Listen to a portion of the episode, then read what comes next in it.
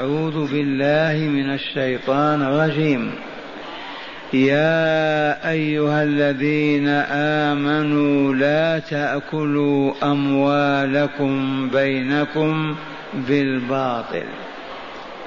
يا أيها الذين آمنوا لا تأكلوا أموالكم بينكم بالباطل إلا أن تكون تجارة عن تراض منكم إلا أن تكون تجارة عن تراض منكم. ولا تقتلوا أنفسكم إن الله كان بكم رحيما. ومن يفعل ذلك عدوانا وظلما. فسوف نصليه نارا. وكان ذلك على الله يسيرا.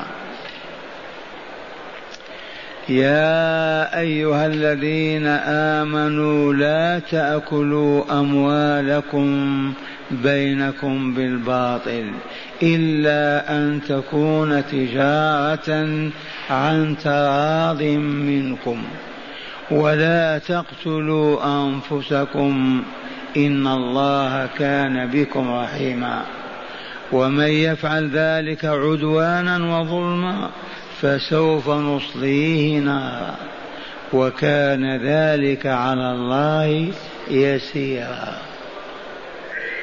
يا ايها الذين امنوا لا تاكلوا اموالكم بينكم بالباطل إلا أن تكون تجارة عن تراض منكم. ولا تقتلوا أنفسكم. إن الله كان بكم رحيما. ومن يفعل ذلك عدوانا وظلما فسوف نصليه نارا. وكان ذلك على الله يسيرا. معاشر المستمعين والمستمعات من المؤمنين والمؤمنات. أليس هذا نداء من نداءات الرحمن؟ نادى فيه من؟ المؤمنين والمؤمنات. لماذا ما ذكر المؤمنات؟ لأنهم ضمن الفحول والرجال. فليس هناك حاجة إلى ذكرهم مع الرجال. وقبل كل شيء المؤمنون والمؤمنات بعضهم أولياء بعض. يا أيها الذين آمنوا لبيك اللهم لبيك مر نفعل انهى ننتهي. علم نعلم بشر نفرح حذر نرهب ونخاف. هذا استعداد المؤمنين لأنهم أحياء ولهذا ناداهم لينهاهم لو كانوا أمواتا ككل الكافرين من المجوس واليهود والنصارى والمشركين والبوذا ما هم بأهل لأن يناديهم الرحمن جل جلاله وعظم سلطانه. وما هم بأهل لأن يستجيبوا له فيما أمرهم به أو نهاهم عنه. وإنما ينادي المؤمنين بوصفهم أحياء. والحي حسب سنة الله يسمع ويبصر وينطق ويأخذ إذا أعطي ويعطي إذا طلب لكمال حياته. إذا فلتهنأكم حياتكم. الحمد لله. والله لولا هذا الإيمان ما نحن بأهل لأن ينادينا الله عز وجل. لكن هو الذي أحيانا في أبداننا وأحيانا بإيماننا. أصبحنا أهلا لأن نسمع كلام الله ونمتثل أمره ونجتنب نهيه. الحمد لله. أو ما عرفتم قيمة الإيمان؟ إليكم هذا العرض السريع في هذه المدينة النبوية. كان عليه الصلاة والسلام جالسا مع بعض أصحابه. فمر بين أيديهم رجل في طريقه إلى أهله أو حاجته. وكان رث الثياب. دميم الخلقة لا يلفت النظر أبدا. فلما مضى قال لهم صلى الله عليه وسلم ما تقولون في هذا؟ قالوا هذا حري إذا خطب أن لا يزوج وإذا أمر أن لا يطاع وإذا قال أن لا يسمع. وسكت. ومضى في حديثه معهم فمر رجل آخر. رجل منظره جذاب الهيئة وحسن الثياب كأحسن ما يكون مضى. فقال لهم ما تقولون في هذا؟ قال هذا حري إذا خطب أن يزوج. وإذا أمر أن يطاع وإذا قال أن يسمع له. فقال لهم ولعله حلف أن ملء الأرض من هذا لا تساوي ذلك. ملء الأرض من هذا المنافق صاحب المظهر ملء الأرض منه لا تساوي ذلك المؤمن الرث الثياب الفقير الضعيف.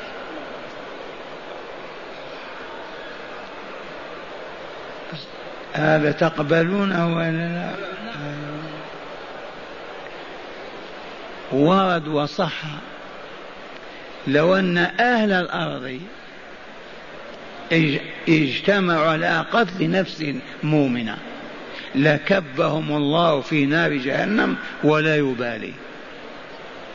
ما هو قبيلة وإلا عشيرة وإلا جيل من الأجيال. لو أن أهل الأرض كلهم أجمع على أذية مؤمن من عباد الله وأوليائه وقتلوه لكبهم في نار جهنم. إذا هيا نحمد الله على هذه النعمة.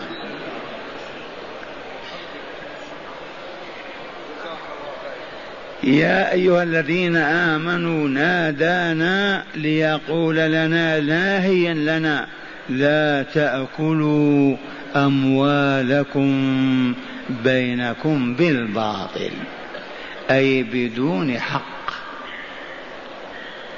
فهذا نص قطعي الدلالة في حرمة أموال المسلمين إلا إذا أكلت بحق. لما؟ لأنهم أولياء الله وعبيده. ما يرضى أبدا أن يوذوا بأكل أموالهم. فحرم ذلك تحريما قطعيا. أكل أموال أكل أموال المؤمنين بالباطل يكون بالسرقة بالاختلاس بالغصب. يكون بالغش بالخداع بالكذب بالربا بكل أنواع الباطل. لا يحل لمؤمن أن يأكل مال أخيه المؤمن بغير حق.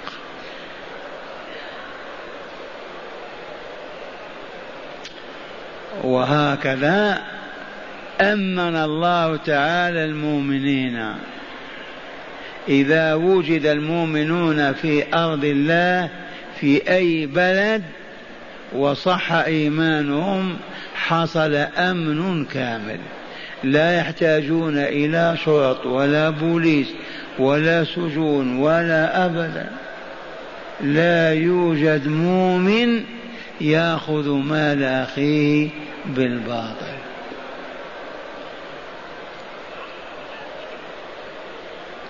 لما؟ لأن المؤمنين أحياء.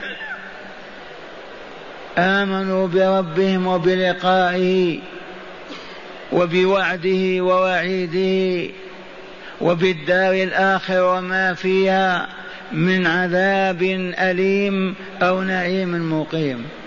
مولاهم سيدهم أمرهم ألا يأكلوا أموال بعضهم بعضا بالباطل. فما بقي من يمد يده ليأخذ مال أخيه المؤمن. وهو الواقع يشهد لا يوجد مؤمن حق الإيمان عاف وآمن. يمد يده ليختلس مال المؤمن. أبدا. ولو مات جوعا. وقوله أموالكم. إشارة بل عبارة إلى أن التضامن الذي يفرضه الإيمان يجعل أموال المؤمنين كمال واحد. لأن الأموال قوام الأعمال وحياة المؤمنين متوقفة على تلك الأموال. إذا فلا يحل لصاحب المال أن يأكل المال بدون حق بأن يأكله بأي وجه من أوجه نهى الرسول ونهى الله تعالى عن أكلها. هل يجوز لصاحب المال أن يشتري به خمرا ويشربها؟ أو محرما ويلبس أو يأكله؟ هل يجوز أن يسرف في ذلك الطعام أو اللباس أو الشراب ويتجاوز حد الاقتصاد؟ ما يجوز وهو ماله. فأموال المؤمنين كأنها مال واحد منهم. إذ حياتهم متوقفة عليها. ولا تأكلوا أموالكم بينكم بالباطل. نظيره ولا تؤتوا السفهاء أموالكم التي جعل الله لكم قياما. ابنك سفيه واخوك بمعنى لا يحسن التصرف في المال لا تعطيه المال. امرأتك لا تحسن التصرف لا تضع المال بين يديها حرام عليك. لما؟ لأن المال قوام الأعمال والحياة شاهدة. والشاهد عندنا في جعل الأموال أموال المؤمنين. وليس هذا من باب افتراء ودعاوى الاشتراكيين التي فعلت الأعاجيب في الناس. ذاك المعنى باطل. سلبوا أموالهم وصادروها وأخذوها بحجة أن الأموال مشتركة بين المواطنين وفعلوا في إخوانهم الأعاجيب وهلكوا. كل ما في الأمر يجب أن نعلم أن مالي كمال كمال أي مؤمن يجب أن لا يؤكل إلا بحق وأن لا ينفق إلا فيما يرضي الله عز وجل. لأن هذه الأموال حياتنا موقوفة عليها. ونحن مجتمع رباني إيماني إسلامي. لا يرى بيننا جائع ولا عاري ولا ضايع لأن أموالنا كمال واحد. لا تأكلوا أموالكم بينكم بالباطل أي بدون حق يقتضي ذلك. قيل لما نزلت هذه الآية أصبح المسلمون لا يقبلون هدية. تهدى إليهم ولا يقبلون عطية يعطاها ولا يأكل أحدهم عند أحد. تدعوه يقول لا آكل. ما ما بحق. ما دفعت شيئا. لما نزلت آية سورة النور بينت الطريق للسالكين. إذ قال تعالى ولا جناح عليكم أن تأكلوا من بيوتكم أو بيوت آبائكم أو بيوت أمهاتكم أو بيوت إخوانكم أو بيوت أخواتكم أو بيوت نسائكم أو بيوت أعمامكم أو بيوت أخوالكم وبيوت خالاتكم أو ما ملكتم مفاتحه أو صديقكم. فأصبح المؤمن لا يتحرج دخل على أهل على بيته دعاه أبوه يأكل. ما يقول ما دفعت شيئا. دعاه خاله للأكل يأكل. ما يقول أنا نأكل بالباطل. ما دفعت شيئا. فزال زال ذلك الخوف. قال عز وجل إلا أن تكون تجارة عن تراض منكم. هذه التجارة معروفة. ولا بد من التراضي. البائع يرضي المشتري والمشتري يرضي البائع. فإن حصل عدم رضا بطل البيع. والحكيم صلى الله عليه وسلم يقول إنما البيع عن تراض. فإذا لم يحصل الرضا بين الطرفين فلا بيع. يسقط البيع. وهذا كلام الله. إلا أن تكون تجارة عن تراض منكم. البيعان بالخيار. ما لم يتفرقا. ذي قاعدة وضعها صلى الله عليه وسلم.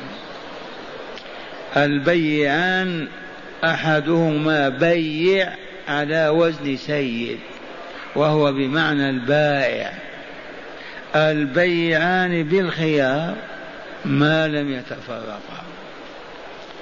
فاختلف أهل الفقه ما لم يتفرقا بالقول أو بالبدن. فذهب من ذهب إلى أن التفرق يكون بالقول.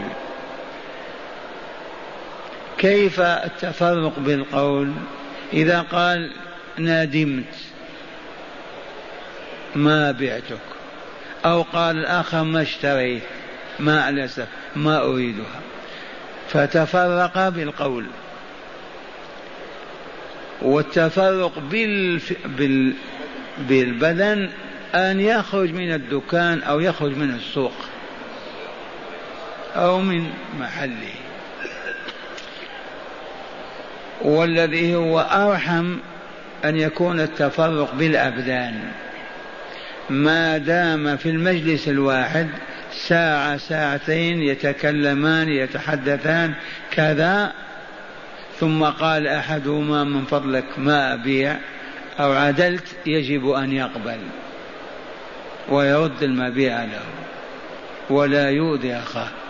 لكن إذا تفرق هذا ذهب إلى بيته وهذا إلى بيته لم يبق هناك مراجعة لا خيار. أما في المجلس فهذا أخوك.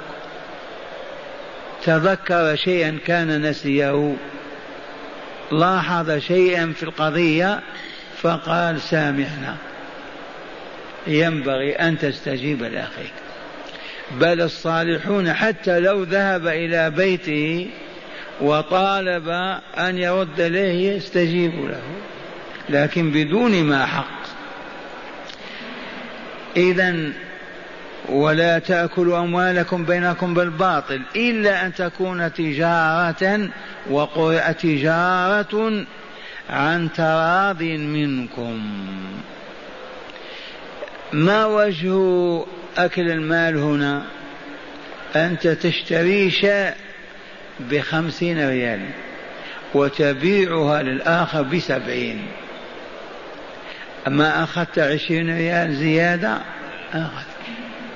تشتري منزل بمليون وتبيعه بمليون ونصف.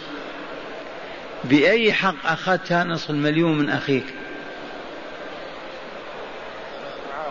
إذا أنت راضي. هو راضي بالشراء. لأنك تتصور أن مالا أخذته بدون مقابل. أنت اشتريت الشيء بخمسين ريال بيعها بخمسين. على أخيك. فإذا بعتها بسبعين أو ثمانين ما هناك مال زايد ولا لا؟ بأي حق تأخذه الشاة واحدة؟ قل أذن الله لنا في ذلك. ما دام أخي راضيا غير ساخط ولا رد علي بيعي إذا فهذا هو التراضي فهذا المال قل أو كثر حلال. وفي هذا فتح باب للتجارة ولا بد منها. لماذا؟ لأن حاجة الإنسان تقتضي ذلك. إذا لم يوجد من يتجر في الحبوب في الثمار في الملابس في كذا في اللحوم أين يجد أهل القرية ذلك؟ كل شيء موجود في قريتهم غير معقول. فلهذا التجارة محمودة. والتاجر الصدوق الأمين المسلم مع النبيين والصديقين والشهداء والصالحين. وإليكم نص الحديث الكريم. قال يكفي في الرد على من عاب التجار في تجارتهم. وقالوا هذا عدم توكل. وهذا من جماعة التصوف. تبهتم يرد عليهم بقول الرسول صلى الله عليه وسلم التاجر الصدوق. تعرفون هذه ولا؟ كثير الصدق. لا يعرف الكذب. أما التاجر الكاذب فاجر. التاجر الصدوق. الأمين أيضا. المسلم. ثلاث صفات. أن يكون أولا مسلما أما كافر لا قيمة له عند الله. ثانيا أن يكون أمينا أما أن يكون خائنا يحسن الخيانة ويأتي لا حق له في هذا المنصب. ثالثا الصدوق لا يعرف الكذب. التاجر الصدوق الأمين المسلم مع النبيين والصديقين والشهداء يوم القيامة. عن تراض منكم. هذه الآية أو هذا بعض الآية الأولى حرم الله تعالى على المؤمنين والمؤمنات أكل أموال بعضهم بعضا بغير حق. بغير مقابل بغير عوض. أما ما كان برضا اخيك المؤمن فآية سورة النور وضحت الموضوع. فأكل مال أخيك مع طيب نفسه ورضاه هو من الحلال الذي لا يشك في حليته. هناك أيضا لطيفة سبق أن عرفتموها. إذا كان الشخص حيا لا يرد سائلا وعرفت أنت هذا.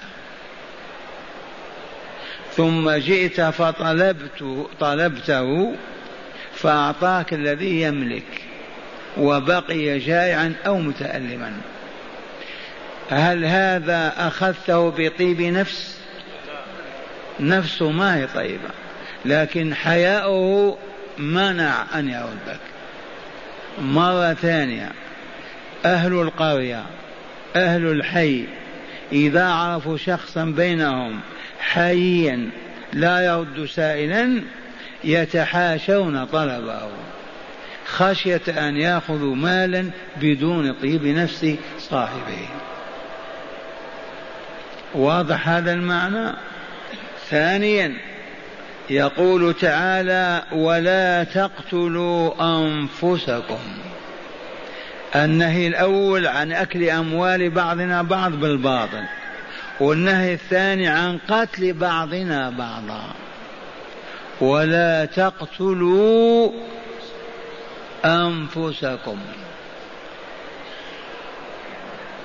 ولا تقتلوا أنفسكم. الظاهر أنه لا يحل لمؤمن أن يقتل نفسه وهو ما يعرف بالانتحار.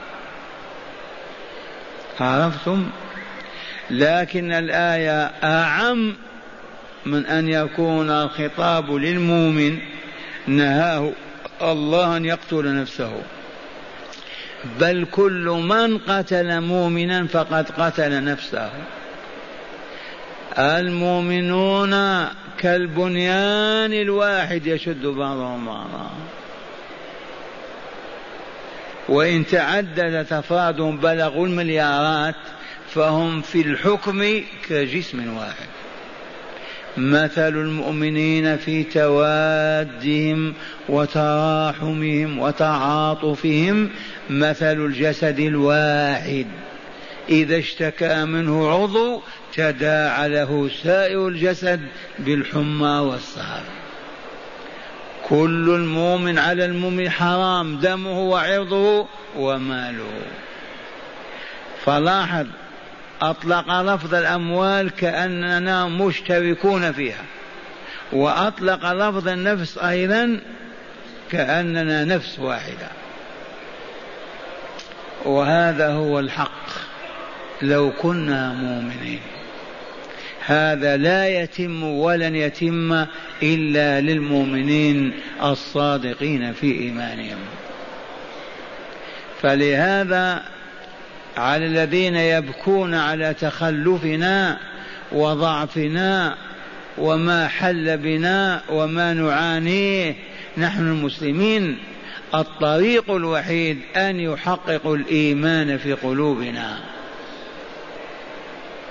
أن يعرضوا علينا الإيمان عرضا سليما صحيحا ويواصل ذلك حتى تمتلئ به قلوبنا وتتجلى حقائقه في كافة جوارحنا. ثم يصبح مالنا واحد ونفسنا واحدة. لأن الكفار المكذبين لله ورسوله ولقائه الآن الانتحار ونسبته العجب تسمعونها. العهر والزنا والجرائم بلا حساب ما يعرفون شيء اسمه تقوى الله. وإن ظهروا أمامكم أنهم كذا وفي بواطنهم الخبث الذي لا يذكر. ولا سبب إلا الكفر أموات أوساخ كالحيوانات. ويدلك دلالة قطعية أن المؤمن الصادق في قريتك في جماعتك لا يسرقك لا يكذبك لا يغتابك لا يقتلك لا يأكل مالك. ما السبب في هذا؟ خايف من البوليس. آمن فعرف. والذين هبطوا من كمالهم أمة الإسلام ومن ألف سنة وهي هابطة.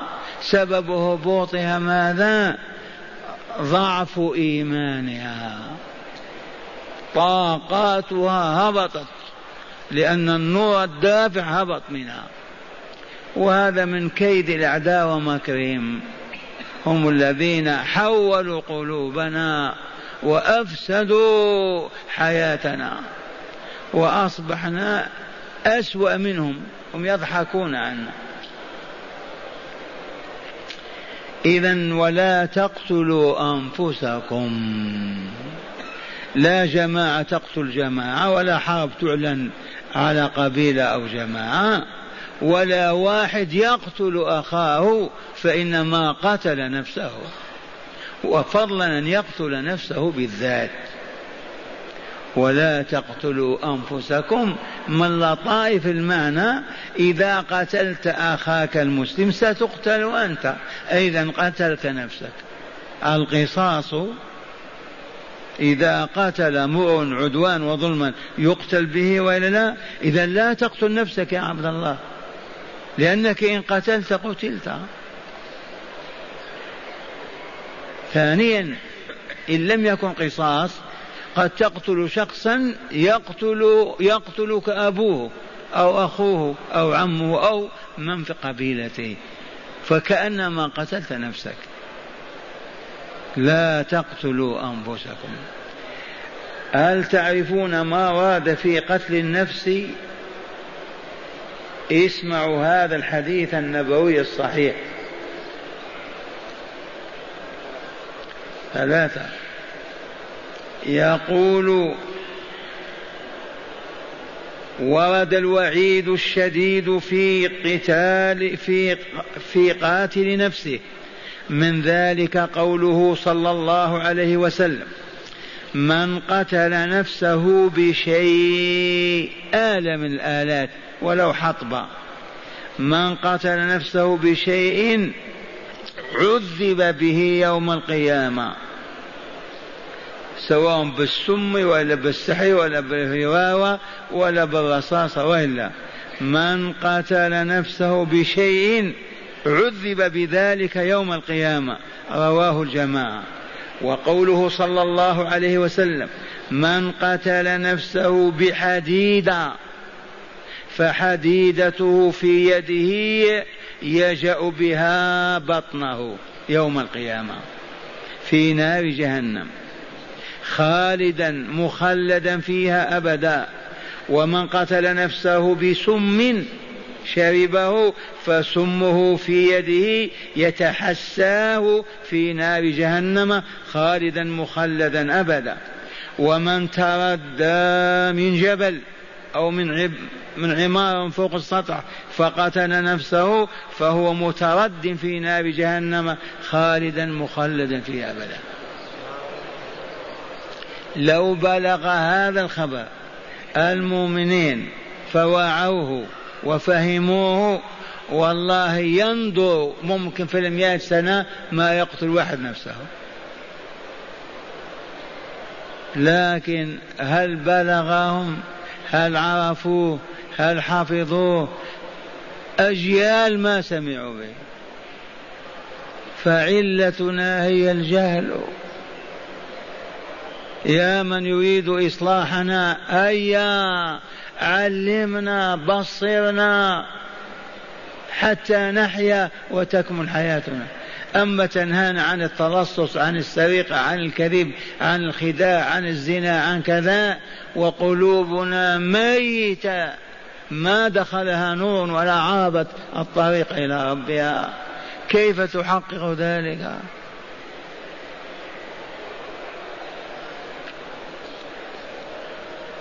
ولا تقتلوا أنفسكم إن الله كان بكم رحيما. ومن مظاهر رحمته حرم عليكم قتل بعضكم بعضا. ما يريد أن تعذبوا ولا أن تشقوا لا في الدنيا ولا في الآخرة. اذا نستجيب لربنا ولا لا إن الله كان بكم وما زال رحيما من مظاهر رحمته أنه لم يسمح لنا بشيء اسمه أذى. أبدا. حرم العهر حرم حرم ما شاء أن يحرم وحرم أكل المال بالباطل وحرم قتل النفس. الآية الثانية يقول تعالى ومن يفعل ذلك قد يشمل هذا كل المحرمات والمنهيات التي جاءت في سورة النساء. ومن يفعل ذلك المنهي المحرم من يا الذين آمنوا لا يحل لكم أن ترثوا النساء كرها. تلك المنهيات كلها إلى هنا. ومن يفعل ذلك الذي تقدم ذكره مما حرم الله لا سيما أنه ما ذكر وعيدا لأصحابه فحصر الوعيد فيها في هذه الآية. وإن كان الأقرب ومن يفعل ذلك المذكور ألا وهو أكل مال الناس المؤمن بالباطل وقتل النفس.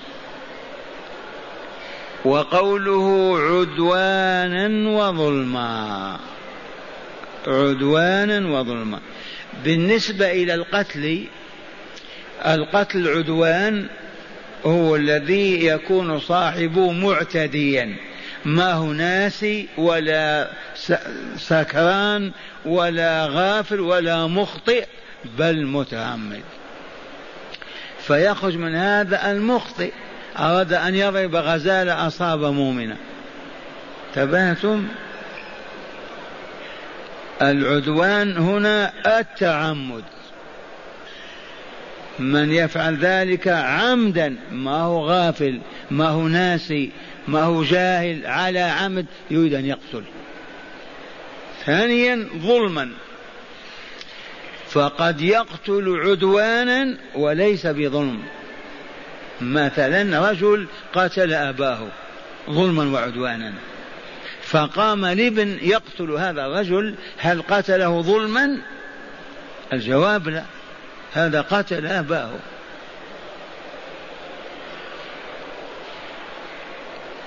الذي يقتل قصاصا هل هذا القتل ظلما؟ لا عدل. لكن العمد عمد وإلا لا؟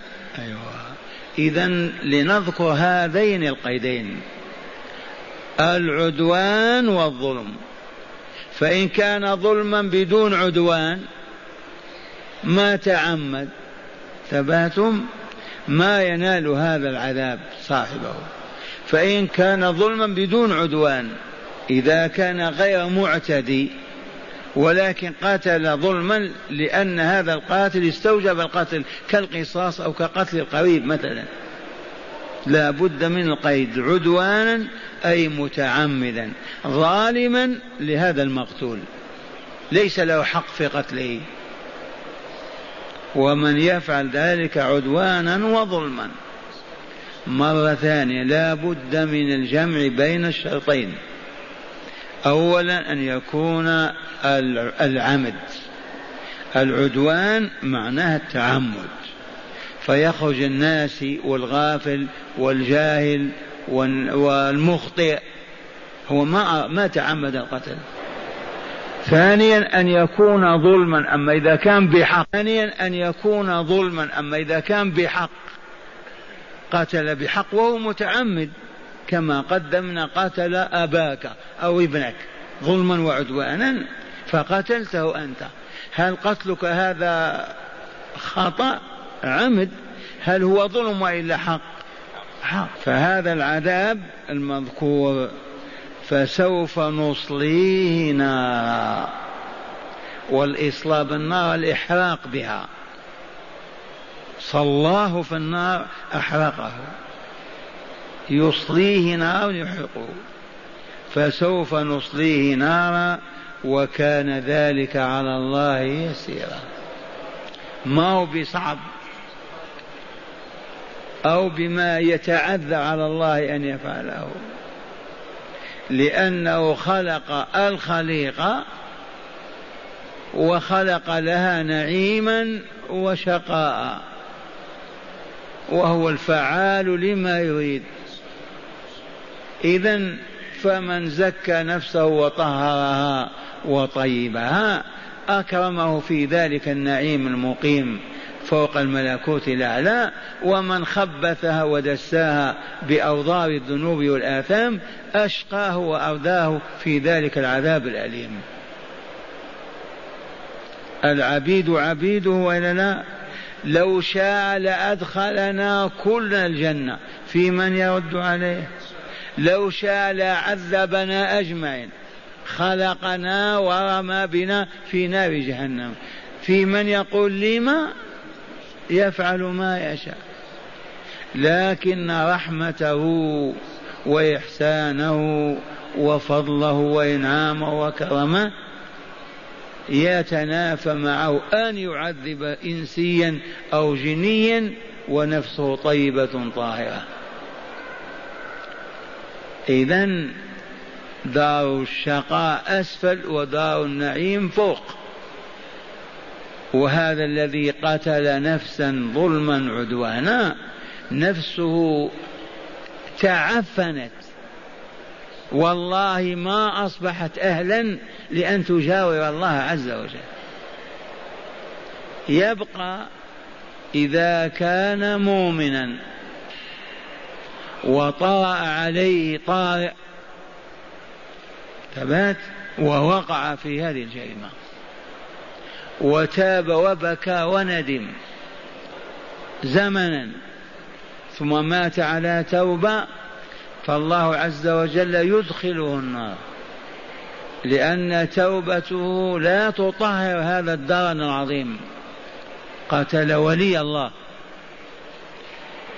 فقد قال تعالى كما سيأتي ومن يقتل مؤمنا متعمدا فجزاؤه جهنم خالدا فيها وغضب الله عليه ولعنه وأعد له عذابا عظيما. هنا لطيفة نستعجلها. الذي أقرره أنه لا يوجد مؤمن صحيح الإيمان كامله يقتل مؤمنا عمدا وعدوانا. ما يوجد مرة ثانية. لا يوجد مؤمن حق الإيمان صادق الإيمان. يقتل مؤمنا عدوانا وظلما. لا يوجد مؤمن صحيح الإيمان صادق الإيمان كامله يقتل مؤمنا عدوانا وظلما. ابدا. والدليل قوله تعالى وما كان لمؤمن أن يقتل مؤمنا إلا خطأ. هذه الصيغة صيغة نفي الوجود هذا. ليس من شأن المؤمن ابدا أن يقتل مؤمنا غير خطأ. وما كان لمؤمن ليس مما هو متأهل له أو يقع منه أن يقتل مؤمنا إلا خطأ. فمن هنا من تعمد قتل المؤمن عدوانا وظلم ما كان بمؤمن.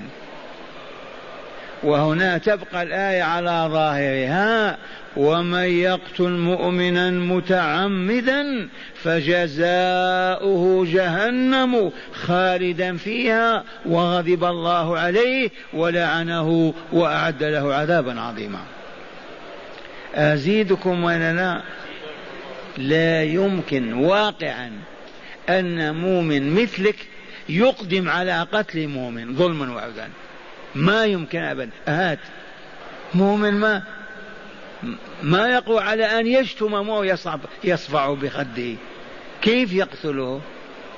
فإن كانت ظلمة الكفر في النفس أعمى يفعل ما يشاء. حيوان ميت. إذا معاشر المستمعين والمستمعات خمس كليات شرائع الله كلها نزلت للحفاظ عليها وهي النفس والعقل والعرض والمال والدين. خمس كليات شرائع الله كلها تأمر بالمحافظة على هذه. أولا النفس ولا تقتلوا أولادكم.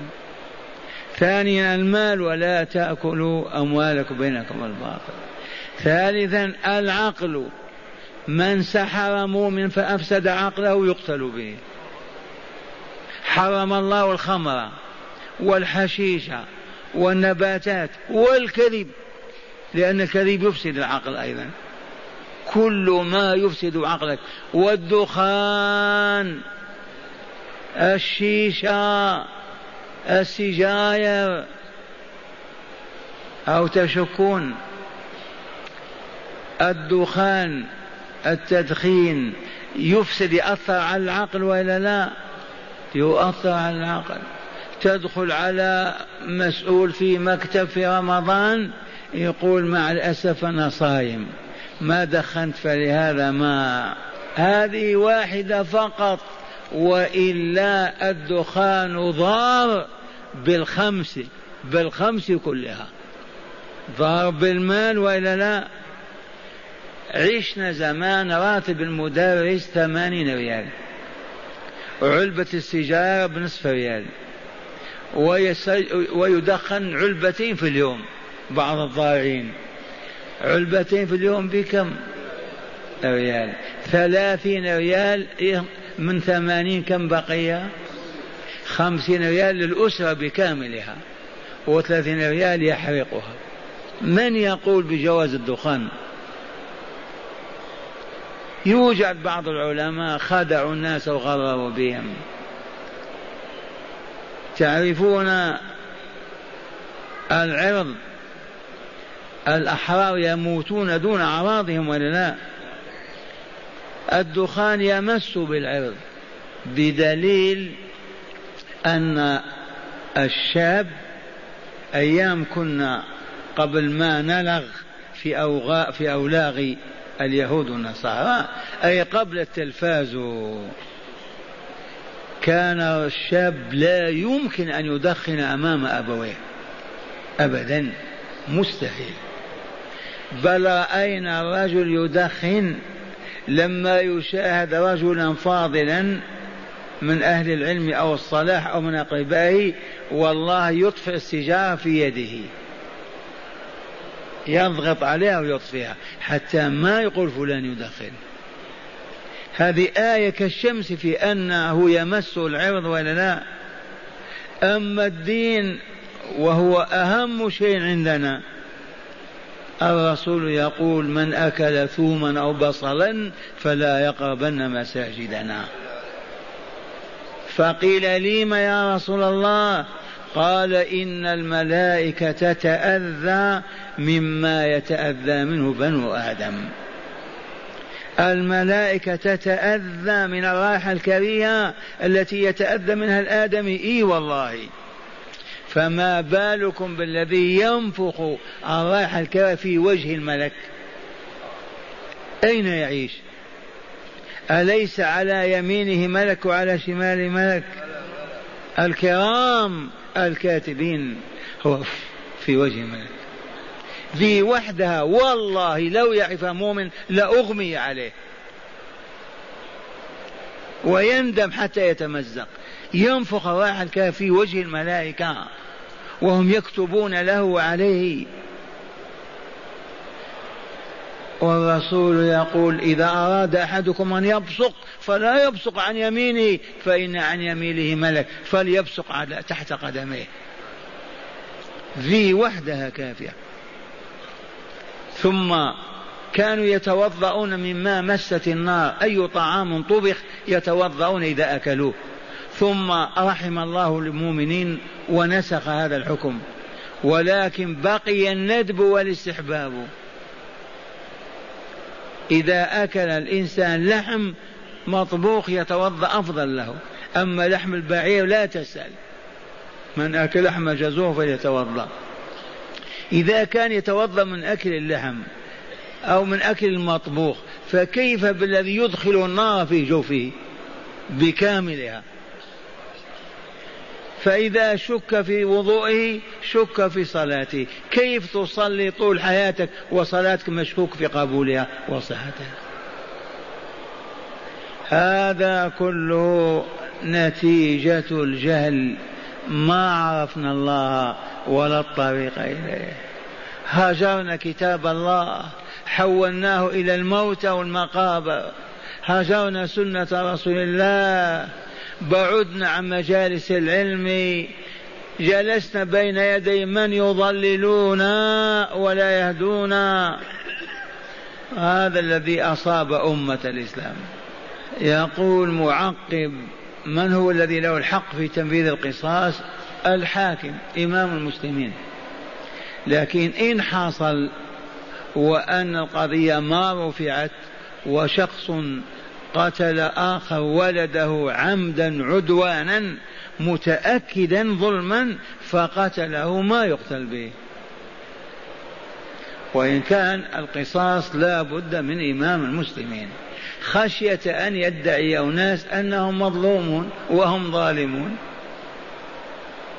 لكن إن حدث من هذا النوع تحكم عليه أنه في جهنم وخالد فيها.